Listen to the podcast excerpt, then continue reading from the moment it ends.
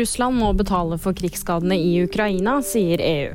Ny krisemåling for Arbeiderpartiet, og MGP gjør store endringer.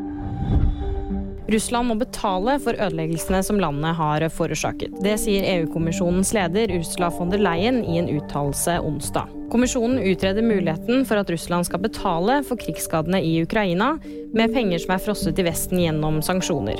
EU foreslår at det opprettes en FN-ledet spesialdomstol som skal etterforske krigsforbrytelser begått av Russland.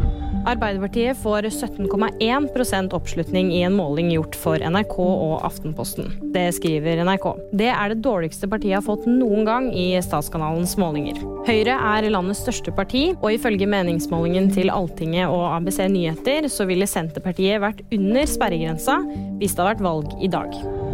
Melodi Grand Prix 2023 vil se ganske så annerledes ut enn det det gjør i dag. De største endringene som skal gjøres, er at det kun skal være tre delfinaler, ingen siste sjanse, ingen forhåndskvalifiserte artister, ingen dueller og en internasjonal jury som teller halvparten av stemmene i finalen. Og VG-nyhetene de fikk du av meg, Kaja Marie Andreassen.